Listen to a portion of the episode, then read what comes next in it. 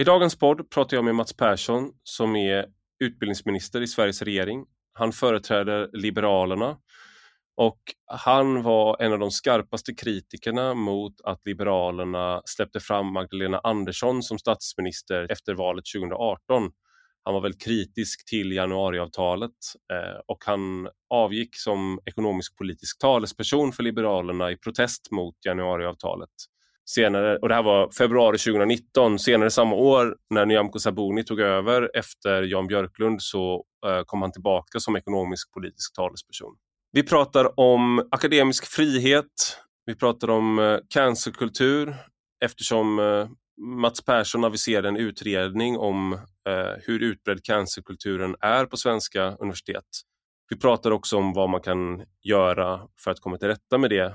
Och vi pratar om ifall det är rätt att ha som mål att rekrytera ett visst antal eller en viss andel kvinnliga professorer till ett visst årtal inom universiteten. Och, och, vi pratar också om kvotering och problemen med det. Nu till dagens gäst. Du lyssnar på Rak Höger med mig, Ivar Arpi.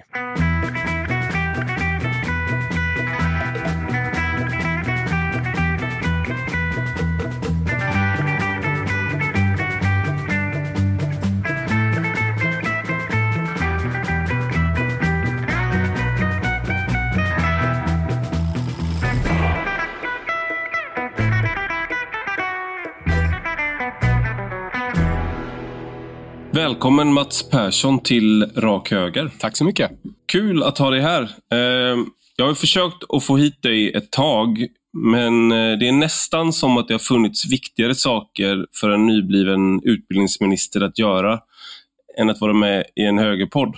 Stämmer verkligen det? Nej, det kan jag inte tänka mig. Nej, det är svårt att tänka sig. Men eh, du har haft mycket att göra nu i början, va? Ja, det har ju blivit väldigt mycket fokus på det, den här frågan om identitetspolitik och uh, cancelkultur. Det har ju, mm. ja, den debatten rullar ju fortfarande. Mm. Idag i Svenska Dagbladet är det ännu en debattartikel om, om detta. Kalla fakta sände ju för ett tag sedan flera inslag om akademiker som hade råkat illa ut i akademin. Och I samband med det så aviserade du att du skulle tillsätta en utredning om hur utbredd cancelkulturen är på svenska universitet.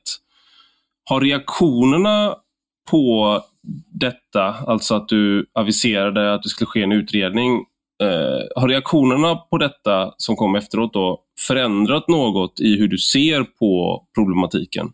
Eh, nej, inte alls. Och det är ju, eh, jag är ju själv akademiker, jag är själv disputerad eh, och jag har ju följt, det var ju inte så här att Kalla fakta hade ett inslag och sen så reagerade jag på det som om jag inte kände till frågeställningen utan jag har ju haft koll på den här frågan i många, många år. Jag har följt den. Jag har följt den på, på håll eh, i relation till USA där, är ju detta en stor fråga. Eh, och det är, en, det är en internationell trend som nu kommer till Sverige. Eh, så det är ju någonting som eh, jag har varit medveten om länge, varit bekymrad över länge. Så att det här är ju inte liksom en quick fix, utan det här är ju någonting som är ett, ett problem och som vi måste komma till rätta med. Hur ser du på det? Um, hur ska man definiera cancelkultur? Vad är det? Ja, men det är ju, det är väl ändå, tycker jag, så här att det finns eh, strukturer och strömningar på lärosäten som innebär att man fryser ut, att man eh, vill tysta eh, forskare som är verksamma där som man, man tycker då har fel perspektiv eller använder fel typ av ord. Att man liksom har en uppfattning att vissa ord, vissa teorier är förbjudna.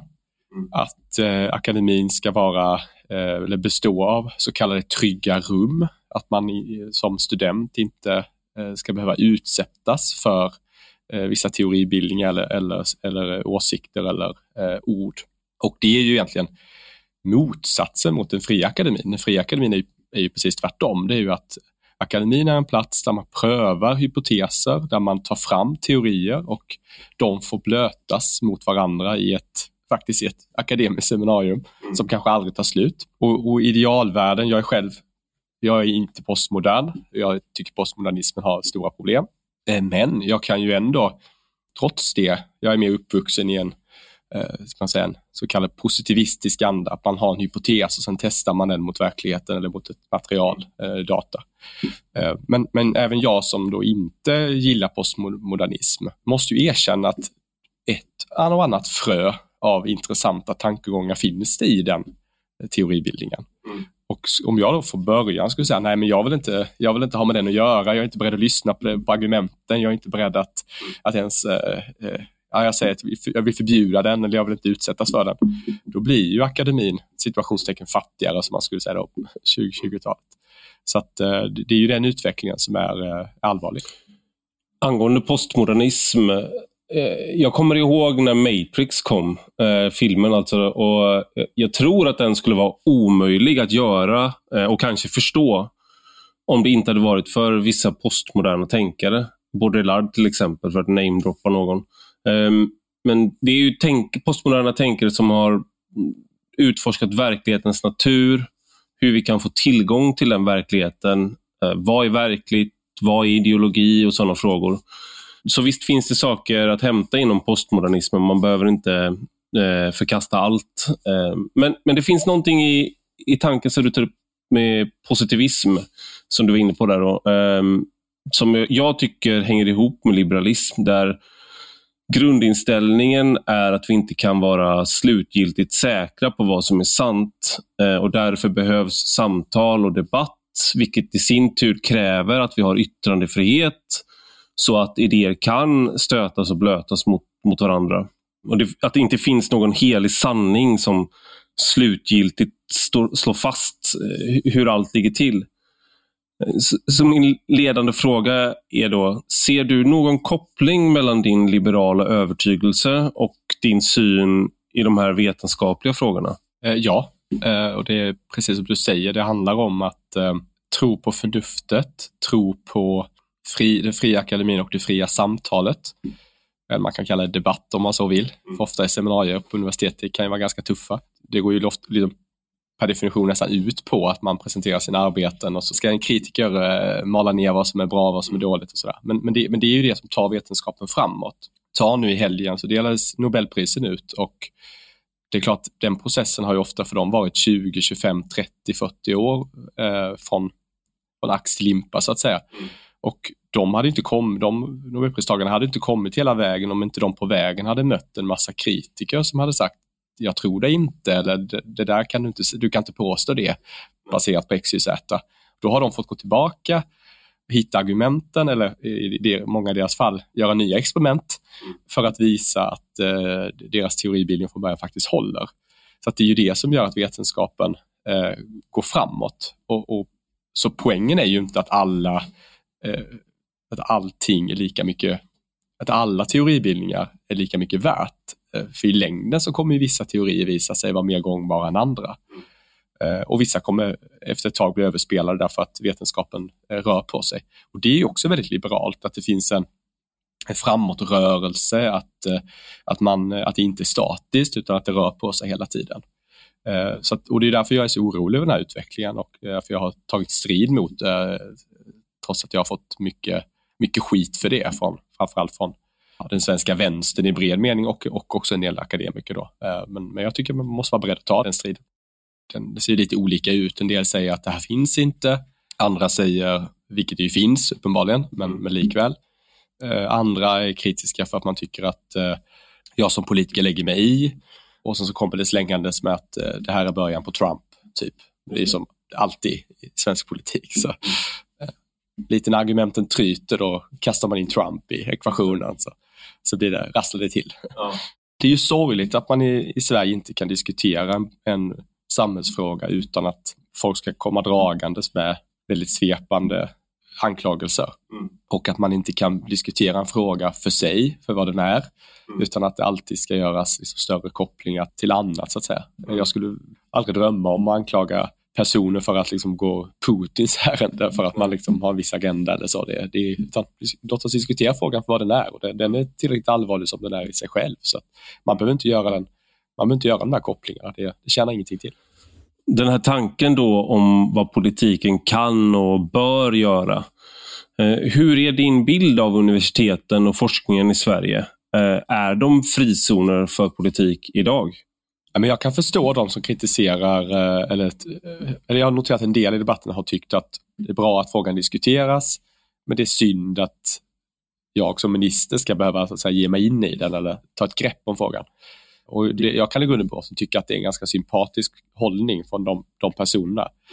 Mm. Jag tycker det, det är jag hade önskat att jag inte skulle behöva ta det här initiativet, så att säga. regeringen, så. Men, men nu är vi där vi är. Mm. Och, och eh, hade universitetet, universiteten hanter, kunnat hantera detta själva så be my guest.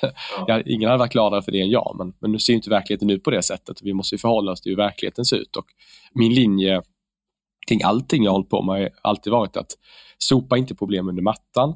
Finns det ett problem, eh, försök hantera det. Mm. Eh, och eh, Eh, det, ja, och det, det är det som är, som är riktningen här. Eh, men jag tycker det är väldigt, väldigt sorgligt att se att eh, eh, man försöker politisera mitt agerande liksom, och försöker sätta det att, eh, som du var inne på, att det skulle vara en del av någon högerkonspiration eller att det skulle vara min vilja skulle vilja vara liksom att eh, ja, gå Trumps riktning och så det är ett ganska bisarrt påstående tycker jag. Mm. Jag kommer från en liberal idétradition och jag, det handlar om akademisk frihet på riktigt. Det, mm. det, jag tycker det jag sa inledningsvis, akademin ska vara en, en lokal eller en, en lada mm. där, där man får föra fram sina teorier och sina hypoteser och där man brott, de brottas mot varandra i ett i ett akademiskt seminarium, det är ju mycket bättre än att vi slår ihjäl varandra, mm. som man gör i andra länder.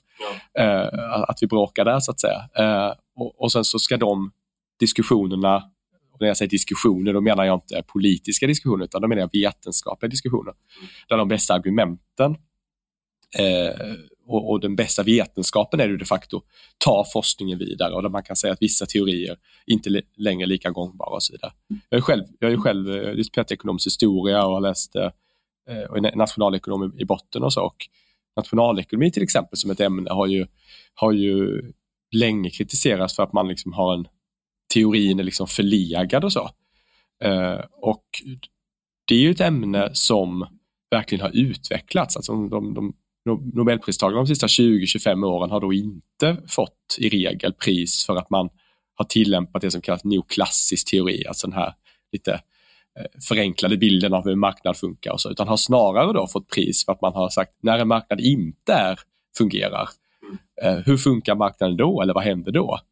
Eh, asymmetrisk information, moral hazard etc. Eh, eller vad händer när det blir kris eller marknaden inte heller fungerar som nu var det senaste och så. Så, så, att, och det, så det är väl ett typexempel på, och, och, och där den, den, flest, den mesta forskningen i nationalekonomi som ämne till exempel, är ju empirisk forskning, det vill säga helt, helt eh, åsikts... Det, det, finns liksom... Ja, det handlar om att, det handlar om att med stora datamängder göra olika typer av analyser och så. Eh, och eh, och det, det, är ju ett typexempel på ett ämne som utvecklas i takt med att man ser att teorin håller inte riktigt. Ja, men då, får vi, då, hittas, då kommer man på nya teorier och så testar man det mot verkligheten. Och, så, och det är så det ska, det är så det ska fungera. För att lyssna på hela avsnittet kan du bli betalande prenumerant, vilket du kan bli på ivararpi.substack.com eller ivararpi.com. Båda adresserna fungerar. Och för 5 euro i månaden eller 50 euro om året så får du både allt gratis material men du får också ta del av diskussionstrådar som bara är för betalande prenumeranter. Du får tillgång till vissa podcastavsnitt som bara är för betalande prenumeranter och vissa texter som bara är för betalande prenumeranter. Och jag har ingen reklam, jag har ingen tar inte emot några pengar från marknadsföring eller liknande, utan jag förlitar mig helt och hållet på er läsare och lyssnare. Så genom att bli betalande prenumerant så gör ni det möjligt för mig att fortsätta att vara en självständig röst.